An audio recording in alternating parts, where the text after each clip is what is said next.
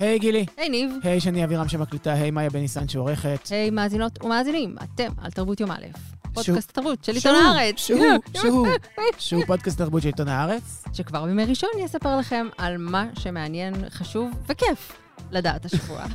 גילי אומרים לי שאני אומר יותר מדי את המילה כיף. אתה? כן. לא כאילו שאני משתמש בה כאיזה מין אה, אה, סמן איכות. הסדרה הזו היא כיפית, האלבום הזה הוא כיפי, הספר הזה הוא כיפי. תראה, אנחנו אמנם נוטים להתייחס למה שאנחנו עושים בשיא הרצינות, אבל בסוף, אתה יודע, צריך שיהיה כיף. כן, why so serious? אמר פעם מישהו. יס, ממש. לא, וגם כאילו, את יודעת, חבריי וחברותיי יודעים שאני זה שהמציא את רכבת הכיף. אני אספר לך אחרי זה מה זה. זה קשור לרווקות ולמה אתה עושה ואיך אתה ממצב את עצמך כשאתה רווק, אחרי פרידה. אני ברכבת הכיף, את רוצה תעלי. אה, אתה מרים ידיים גם? הרכבת נוסעת, אני צ'ו צ'ו. אז מה יהיה היום בתוכנית, גילי? או, אנחנו נדבר על דרקונים, ניב. כן. כי באמת אה, פספסנו בשבוע שעבר, לא דיברנו על האירוע לא של שבוע שעבר. פספסנו, זה היה מכוון, כי למה לדבר על משהו שאף אחד או אחת ראו? כאילו, מה הטעם? אנחנו נרחיב טיפה את יריעת הדרקונים. והפנטזיה, אנחנו בתקופה הבאמת הכי מסעירה להיות חובב פנטזיה. אני חושב שאולי ידענו מעודנו, באמת. אחר כך אנחנו נדבר על מו, אה, נטפליקס, ונקנח בסיבוב מהיר מאוד אה, רבגוני, עשית חשק, תמיד. בואי נתחיל.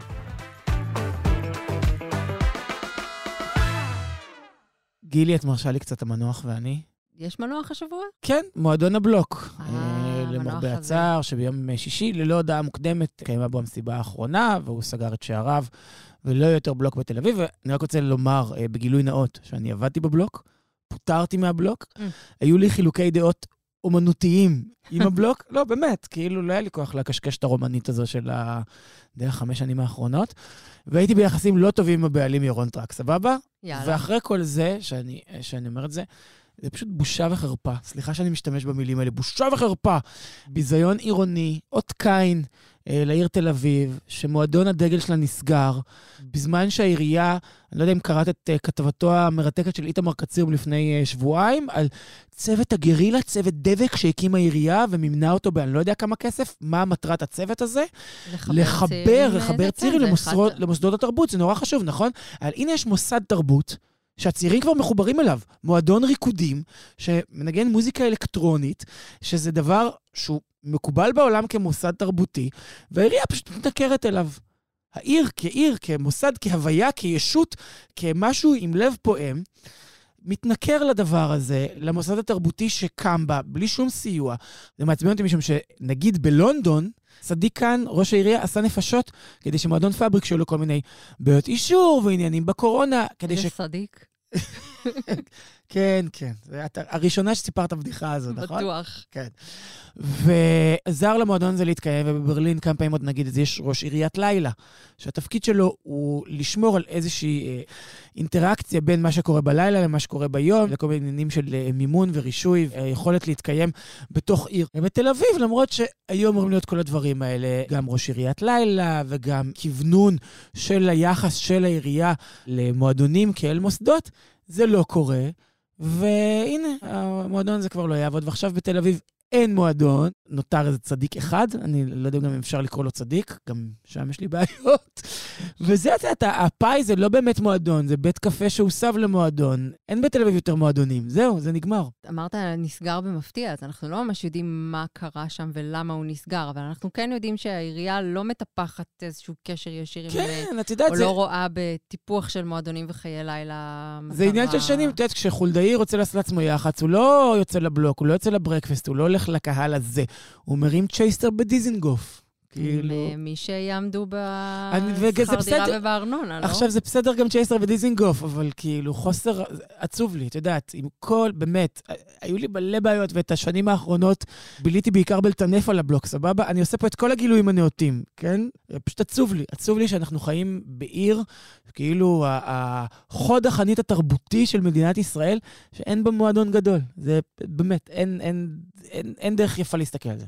אולי אנחנו יכולים לנצל את הבמה הזאת כדי לקרוא לגיורא יהלום, שהוא מחזיק תיק התרבות בעיריית תל אביב, ממש שר התרבות של העיר, שחולש על תקציבי ענק. באמת, אה, אולי לשקול מחדש את האופן שבו רואים תרבות, וגם uh, להתייחס למועדונים בסל זה, שלו. זה, כי זה עניין של שנים, שמתייחסים למועדונים כאל מקום שבו עושים סמים, כאל מקום של פושטקים. לא, כמקום זה... שיש לו רישוי עסק, והוא, אתה יודע, לא, אין לו אה, מקום תרבותי, תפקיד תרבותי. ו... זה, זה יותר מזה, זה יותר מזה בעיניי. זה גם י, יחס כאילו...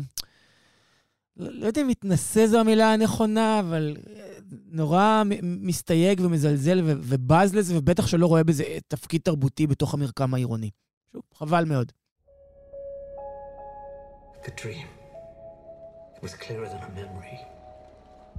And I heard the sound thundering hooves, splintering shields and ringing swords. And I placed my heir upon the Iron Throne. and all the dragons roared as one. I consider the matter urgent. That of your succession. Well, who else would have a claim? The firstborn child. Rhaenyra. No queen has ever sat the Iron Throne. The king has an heir, Daemon Targaryen. I will not be made to choose between my brother and my daughter.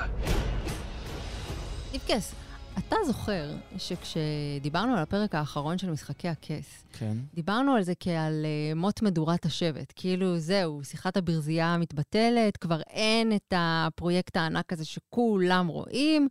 Little did we know עד כמה צדקנו, אגב. כן, כי לא היה איזה משהו שכולם רואים אותו בכל רגע נתון, נכון? כאילו אולי... כאילו היה את הרגע הזה, נגיד, של גמביט המלכה, או השדות של איסטאון, אבל זה היה כל כך מצומצם וזה היה בקורונה, שלא הייתה שיחת ברזייה. Stranger Things, נכון? גם uh, כזה עורר קהל גדול. Uh... כן, וכאילו, לכאורה גם סנדמן שבר את השרתים של נטפליקס. אבל, אבל לא היה משהו כזה. זה לא שכל התרבות התכווננה על זה, ופתאום נהיו ממים, ופתאום כאילו אנשים התחילו להשתמש בפרזות מתוך סנדמן ולהגיד shame shame. כאילו, כשאת אומרת היום shame, כולם יודעים למה את מתכוונת, נכון? ברור. אז הנה, אה, ברגע ש-HBO הודיעה שהיא הולכת לעשות פריקוול, כאילו לתאר את העולם שלפני משחקי הכס, התחיל איזה רחש-בחש כזה. היו כל מיני רעיונות, הייתה גם אה, סדרה אפילו צולם פיילוט עם אה, נעמי וואטס, כן? ונגנז, כן.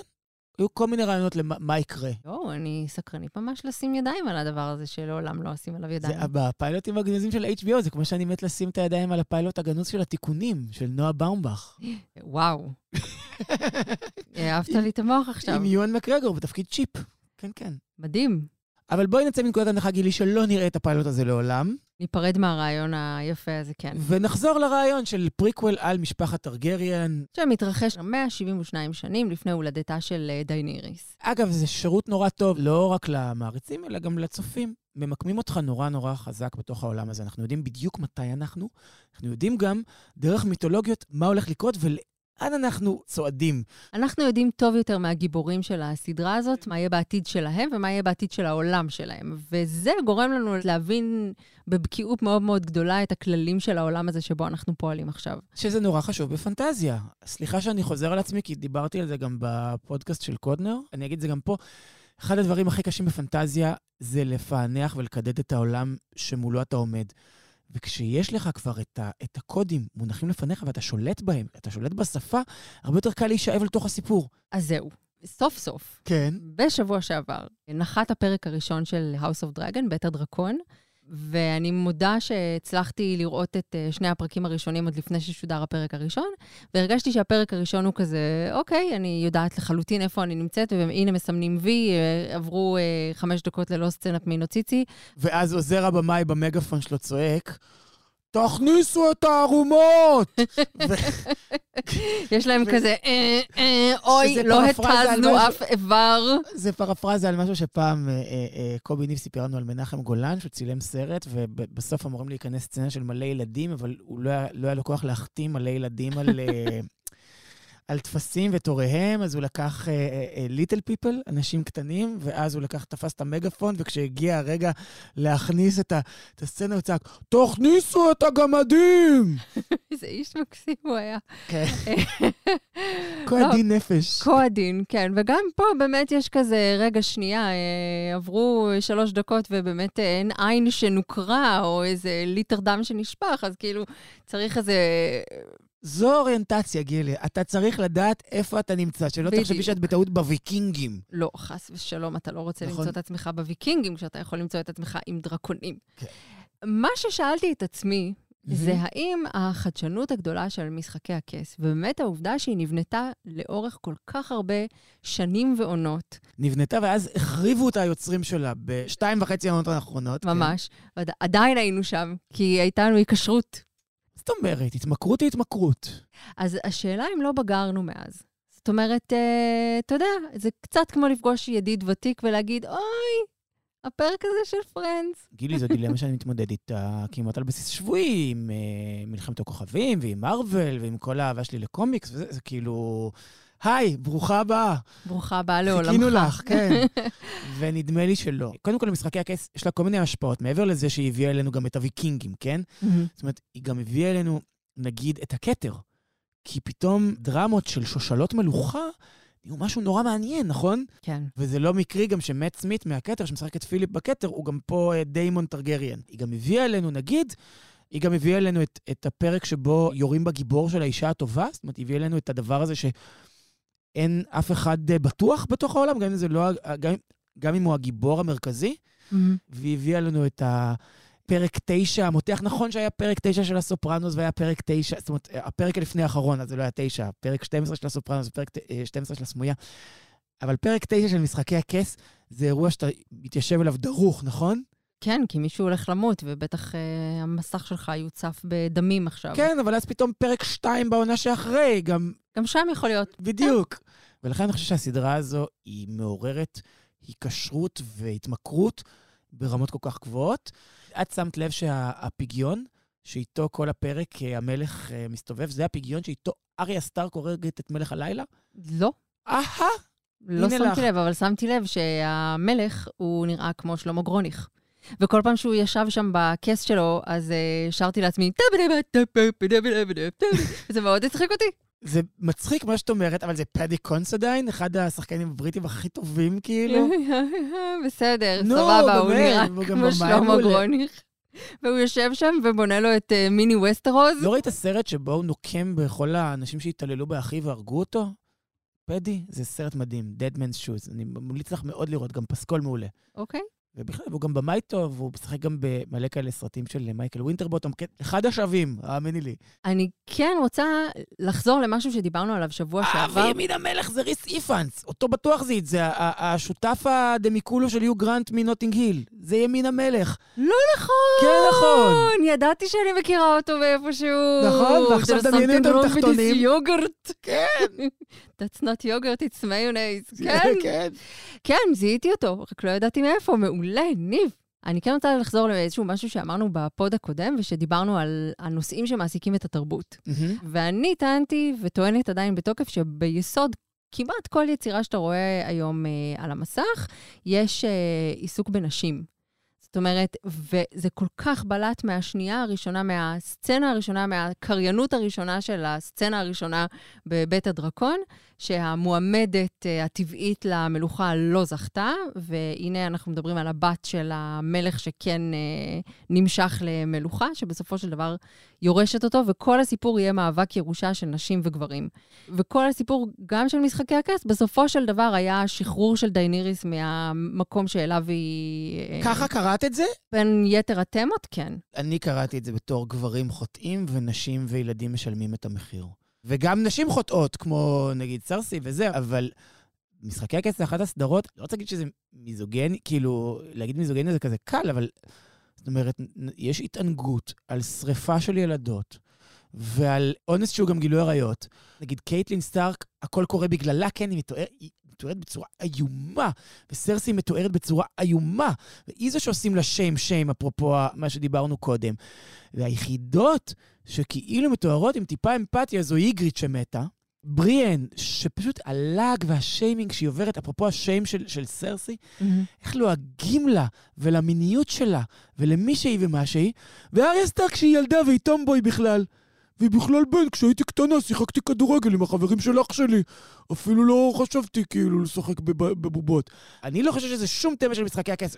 ודנרס שלך, שהיא משתחררת לחופשי, מה קורה כשהיא משתחררת לחופשי? היא נהיית מאבדת את זה, היא היא נהיית מאבדת את זה קוקולוקו. ושורפת את הכל.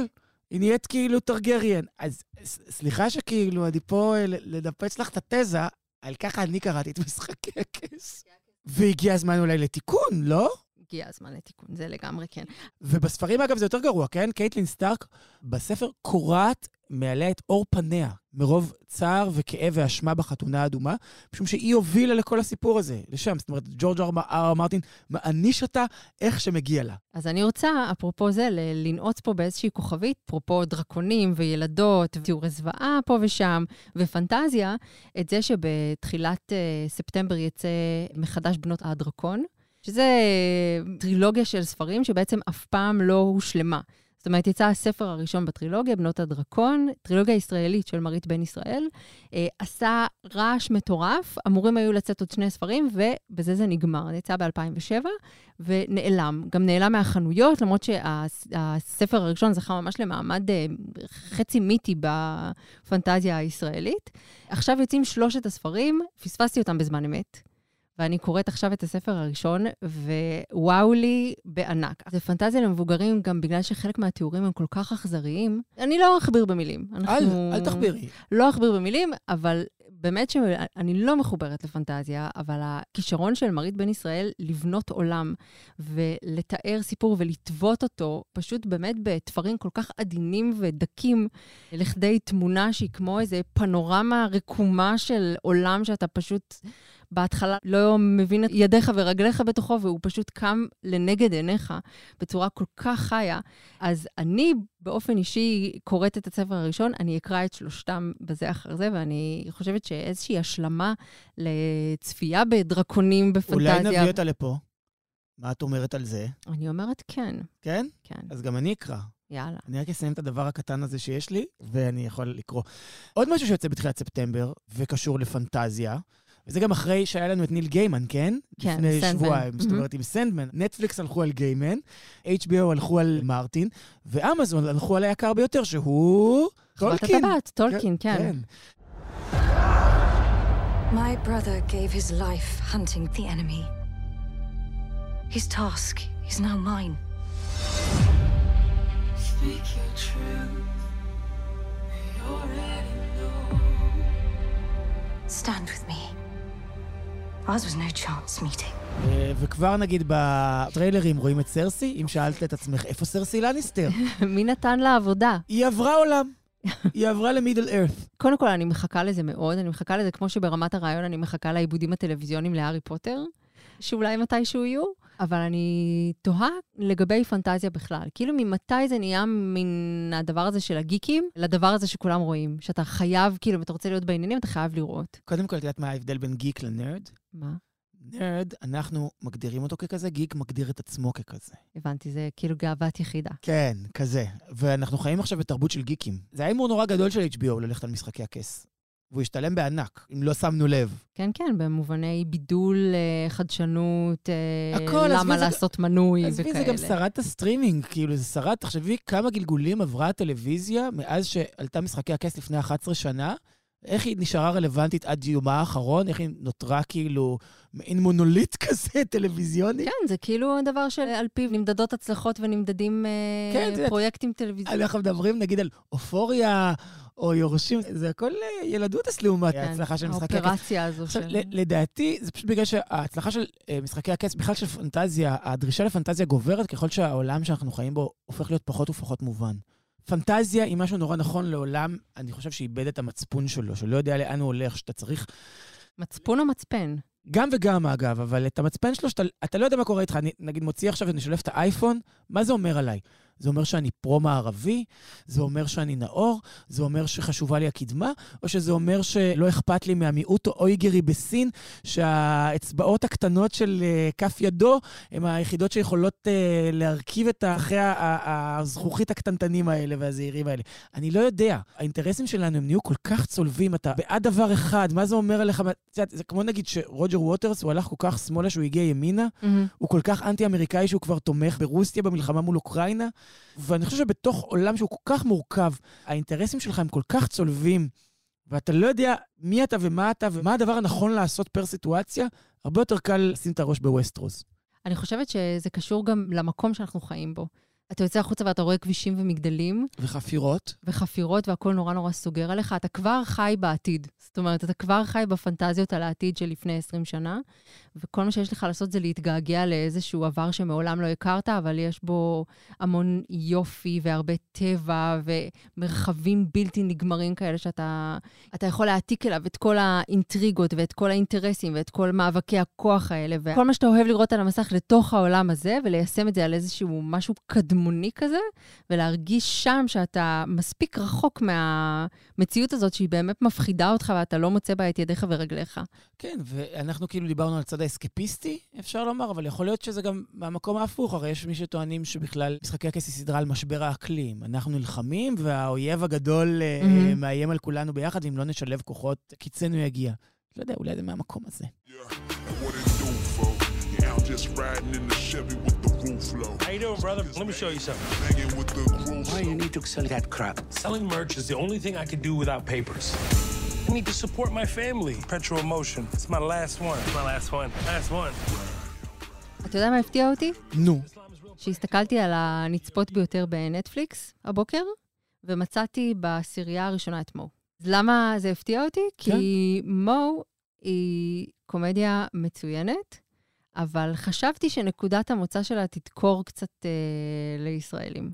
זה באמת מפתיע. כי היא, יש בה משהו דוקר. יש בה משהו- היא קומדיה פלסטינית. היא הקומדיה הפלסטינית פלסטינית-אמריקאית. עכשיו, גם אף אחד לא ניצל מנקודת המבט הזאת. מאז לא התסריטאי האמריקאים, של... זהו, מאז התסריטאי של סייד קשוע לא הייתה כזו קומדיה פלסטינית, אני חושב, נכון? ממש. עכשיו, באמת, כאילו, אף אחד לא ניצל מה, מנקודת המבט הפלסטינית. זאת אומרת, לא האמריקאים, שבתוך אמריקה הקומדיה הזאת קורית, בטח לא ישראל וציונות. ויהודים? ויהודים, אף אחד לא יוצא ממש אה, נקי. חמוד ונקי שם. וגם הפלסטינים לא יוצאים וגם נקיים. הפלסטינים לא יוצאים נקיים. ואמרתי לעצמי, כאילו בישראל, למצוא את זה בין הנצפים ביותר, אני חושבת, יש בזה משהו אופטימי כמעט. את יודעת, יכול להיות שזה גם אה, 20 האחוזים אה, הפלסטינים שמתגוררים בתוך שטחי ישראל, אה, או שאולי מחשיבים גם עזה, כאילו, חלק ממה שקורה בישראל. אני לא יודע איך נטפליקס מודדים את זה. או כמו שקורא לזה מו, פלסטין. אני חושבת שבסוף זה באמת מוכיח את השורה התחתונה של קומדיה, שאם זה מצחיק, יש לזה קהל. וזה מצחיק, וזה מצחיק כואב. כן. זה הסוג הכי טוב של מצחיק. וחכם, ומפתיע. רק נגיד שמו זה מו עמר, שכתב את הסדרה הזו ויצר אותה ביחד עם רמי יוסף, שהוא עשה את רמי, שזה גם מהמם. סדרה מעולה, אבל היא לא פלסטינית, היא סדרה, היא כאילו, הוא מצרי, רמי. מו גיבורנו הוא בחור שמצא עם משפחתו מקלט מדיני בארצות הברית כשהוא היה ילד, ומאז בעצם אה, בקשתו למעמד קבוע בארצות הברית נידונה כבר 20 שנה, מה שמשאיר אותו חסר אה, סטטוס אה, לחלוטין, בלי דרכון, לא יכול לעבוד באופן רשמי, וחייו שמתנהלים עם משפחתו החמה והטובה בסך הכל, אימא שלו, אח שלו שהוא על הספקטרום, זוגתו שהיא נוצרייה לטינית. ולטינית, וגם הוא עצמו, שחשבתי לעצמי שזה מצחיק, כי הוא עובר לטיני, נכון? וכל הזמן גם שואלים אותו אם הוא מקסיקני, אם הוא היספני, אה, כל וכאילו הדרכים חשבתי שמטים זה- את זה בארצות הברית. חשבתי על זה ביחס להתייחסויות הדתיות בישראל. זאת אומרת, האם אתה עובר אשכנזי? האם אתה עובר מזרחי כשאתה פלסטיני? וכאילו, איך אתה יכול לשדרג את מעמדך דרך אה, עדה אחרת? וזה גם מתקשר לעונה האחרונה של אטלנטה. הכל מתחבר לנו, גילי. כל התמות מתחברות ביחד. אז הוא כאילו מין לעיתים עובר לטיני, ואף על פי שלהיות לטיני זה לא גליק ענק בארצות הברית, זה טוב יותר מלהיות אה, פלס- פלסטיני, פלסטיני חסר חסר מעמד, מעמד. כן. כן. זה נשמע נורא שמח שאני מדברת על זה, אבל זה כאילו שמח... אמ, זה טרגי-קומי. כן. הסדרה היא מעניינת כי אני, אני צללתי קדימה. קצת לא יכולתי להפסיק. לא כי אני שמאלני, לי נפש, ואיך הוא אוהב. כי היא מעולה. לראות, כי זה פשוט טוב. אתה רואה דילמות של זרות, ודילמות של זרות, הפלסטיניות זה הספציפיקציה, אבל ניכור ותחושה של זרות זה אוניברסלי. וזה גם חומרים מעולים ליצירה. גם הקונפליקטים שהוא עובר כמוסלמי שחי ביוסטון, טקסס, חיים מודרניים. הוא לא שותה אלכוהול, אבל הוא פתאום מתמכר לקודאין. אחרי שבטעות אה, אה, הוא סופג כדור בירי טועה. אז הוא מתמכר לקודאין, ומה זה עושה לו? אין על זה איסור באסלאם, אבל יש לזה איסור, זאת אומרת, הצו המצפון הפנימי שלו הוא אחר.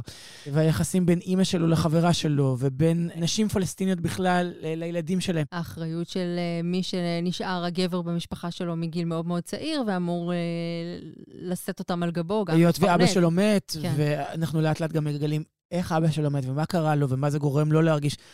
כלפי אמריקה, באמת יש בזה הכל כאילו, וכמו שקוראים לזה מו אה, על שם מוחמד, מהמם. זה לא יכול להיות או על אה, אורי או משהו, אבל זה לא נכון, כי כאילו הקהילה היהודית יש לה הון סימבולי יותר גדול שם, נכון? היא הייתה יותר עוטפת אותו. לגמרי, גם לי. היה לו פשוט סטטוס, איזשהו מעמד, ומקום לחזור אליו. ופה באמת, כאילו, חלק מהדרמה נעוץ בזה שהחיים סוגרים עליו, אין לו לאן, אין לו אופציות. אין לו את ה-old country לחזור אליה. נכון, אולי כאיזשהו רעיון וגעגוע, אבל אין לו משהו ממשי. זאת אומרת, אין, אין, אין מקום לחזור אליו, כן. כן. במובן הפיזי של הדבר. אז כאילו, הוא כל כך תלוש כן. וכל כך תלוי, שכל זה מייצר מעצם אה, איזשהו מתח דרמטי מעצם היותו. נגיד אפילו סצנת הסיום של הפרק השני, עם ה... שאימא שלו אה, אה, מכינה שמן זית בבית. בלאדי, כמובן. יש בה איזה יופי כזה, לא יודע. סדרה עם אה, אה, שחוק ודמע, כמו שאנחנו אוהבים לומר פה. אני חושבת שמבלי למלל את הדבר ביותר מדי מילים מפורשות, כצופים ישראלים, אנחנו לא יכולים שלא להסתכל עליה ולהרגיש שזה... אנחנו דמות משנה לא סימפטית פה אולי קצת. כן.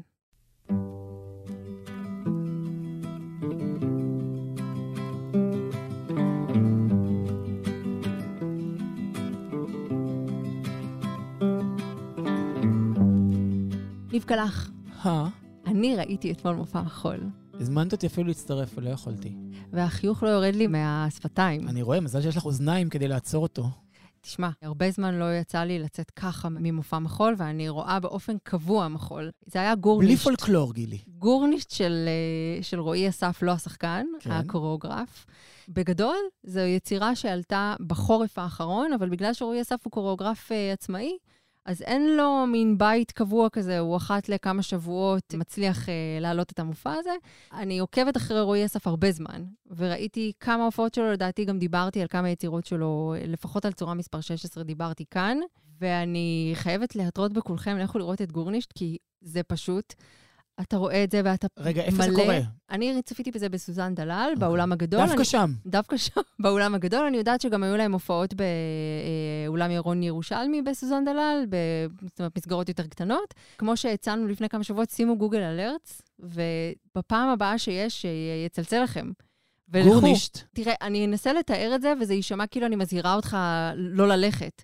כי זה מופע שיש בו חלקים נכבדים שמתנהלים בג'יבריש. הוא ממש על הגבול בין תיאטרון ומחול, כל הדברים שאני ואתה שונאים, ופשוט כשזה עובר תחת המנסרה של אה, רועי אסף, זה פשוט גאוני. זה ממש מוצלח. טוב. כשאתה מסיים את המופע הזה ואומר, אוקיי, אני ראיתי עכשיו חבורה של אנשים עושים משהו שהם מאוד מאוד אוהבים ומאמינים בו. ואיכשהו יש משהו מדבק בהנאה של אנשים מהגוף שלהם ומהיכולת שלהם לנוע ולזוז, וגם משפת התנועה של רועי אסף, שהוא כאמור, אה, כבר סיכמנו שיש לו תווים של גאון. אם הייתי צריכה לבחור מופע השנה, אני חושבת שזו הייתה בחירה מאוד מאוד קלה. לכו לראות את גורנישט. סומך עלייך. עוד לא הפלת אותי עם מופע מחול. צחקתי בקול רם. אני כן אומר שיש שם אה, חטיבה שלמה בתוך המופע, שהיא בהתכתבות או בהשראת אה, מופע קודם שראיתי של יוצרים אחרים, אה, יוסי ברג ועודד גרף. זה לא פוגע בהתרשמות הכללית מהמופע. אוקיי, בואי נעבור למשהו פחות כבר מכירים? מצח, כן? כן, יאללה.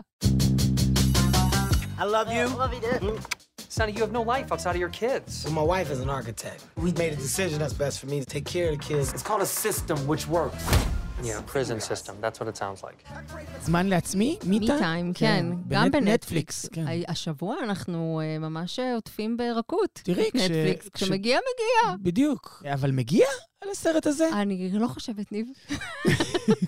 כמה זמן ראיתי ממנו? אמיתי? כן. 40 דקות. כי לא ראית את הרגע שבו סיל נכנס, ובו דורית, סוכנת המוסד, המתנקשת, דורית, לא? כן, דורית. דורית. דורית, שאינה דורית מטייכר וזרחוביץ'. לא, היא גם לא סוכנת מוסד, היא כאילו, היא הולכת במדי ב', בסרט קוראים לה דורית, ויש לה כובע מצחייה כזה, והיא רודפת אחרי סיל וצועקת לו, סיל, כפרה עליך! אז לרגע הזה לא הגעת. לרגע הזה לא הגעתי, הוא שווה את כל הסרט? לא, אבל רגעים אחרים שווים, כי צחקתי בו די הרבה. זה כאילו עוד סרט שבו קווין הארט הוא אבא... צילייגר? צילייגר, זהו, נחנך אבא, stay at home dad כזה. זהו, בסרט הקודם עם וודי ארלסון, שבו וודי ארלסון, אה, The Man from Toronto, האיש מטורונטו, מהמם. את זוכרת את זה? זה היה לפני נגיד חודשיים.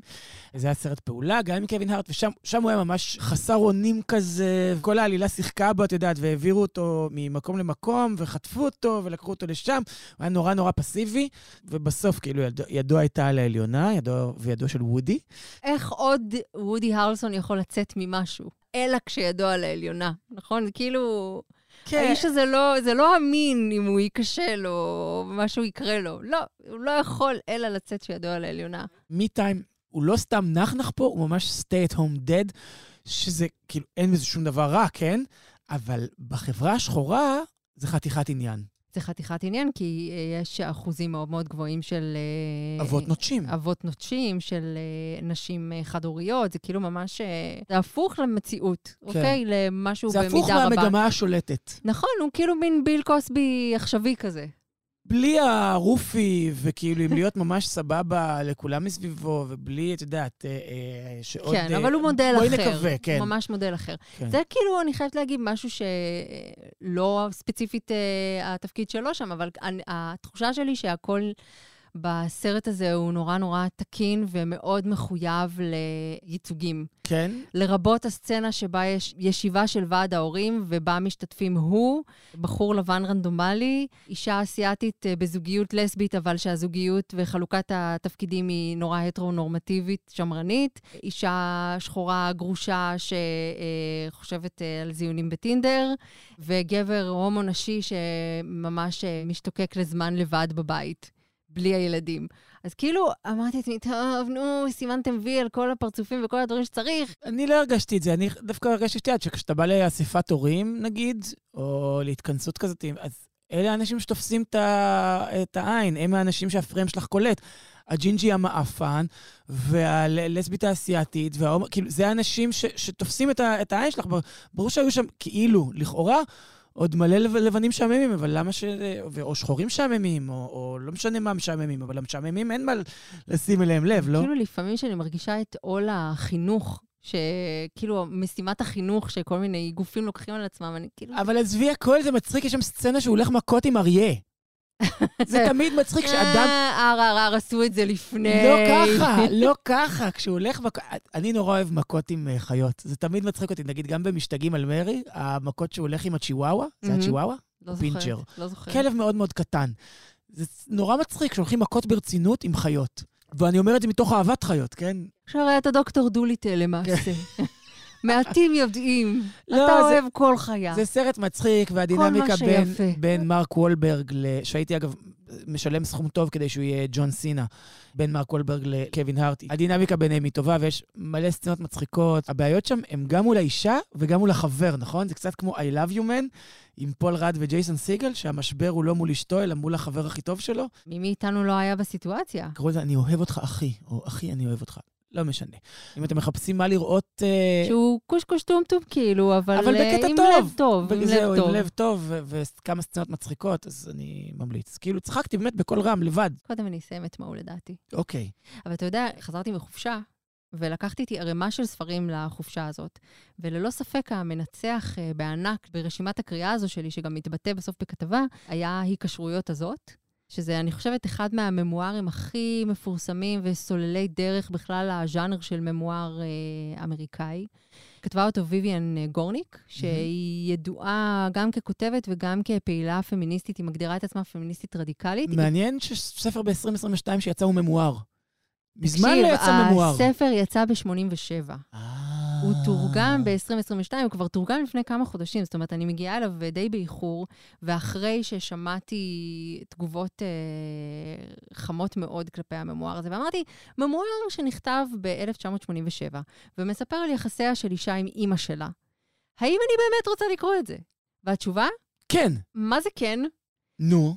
כי איכשהו, מה זה איכשהו? הנושא הזה הוא פשוט רק נהיה יותר ויותר חם ככל שיעברו השנים, והכתיבה של גורניק היא פשוט כל כך כנה וחדה, כמעט אכזרית בחדותה, שהיא טריה לחלוטין כאילו נכתבה עכשיו. זה גם לבנים? זה בטח שזה גם לבנים. כשדיברנו על uh, מו, כן. על ה... כמה שהסיפור הוא ספציפי ועדיין uh, מדבר על uh, נושאים אוניברסליים, זה בדיוק, הרבה פעמים חושבת על זה בהקשר של ספרות, אני חושבת שזה נכון לכל אמנות, שהיא מצליחה איכשהו להיות ספציפית ו...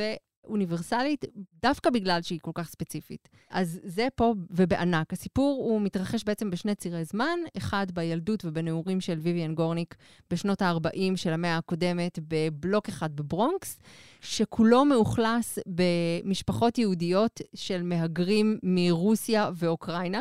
חוץ מאישה אחת, שהיא האישה הלא יהודייה היחידה בבניין, והיא השכנה שלהם, נטי. השיקסה. השיקסה, ויש שם עניין שלם עם היחסים עם השיקסה ובין השיקסה ואימא של ויvian גורניק, בס.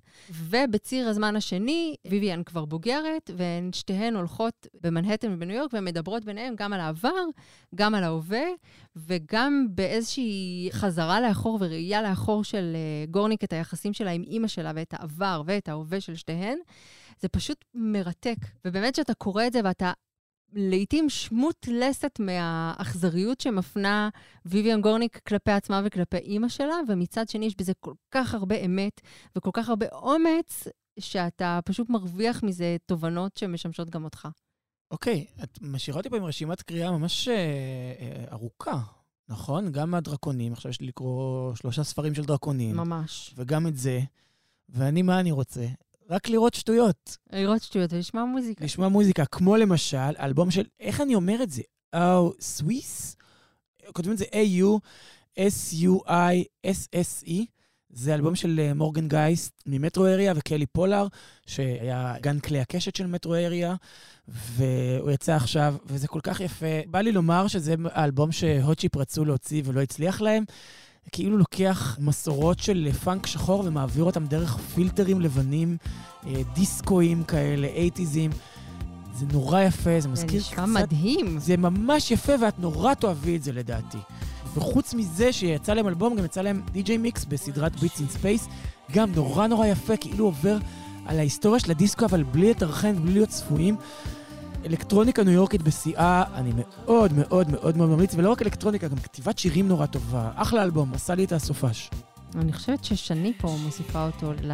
לא, היא עושה דברים אחרים. היא מסתכלת, היא מסתכלת בספר הפנים שלה וכותבת סטטוסים כדי להיות בסטטוסים מצייצים. ושם היא מכוונת את הקריירה שלה. יש אנשים שיש להם שאיפות בשמיים. כן, לא כמוהו.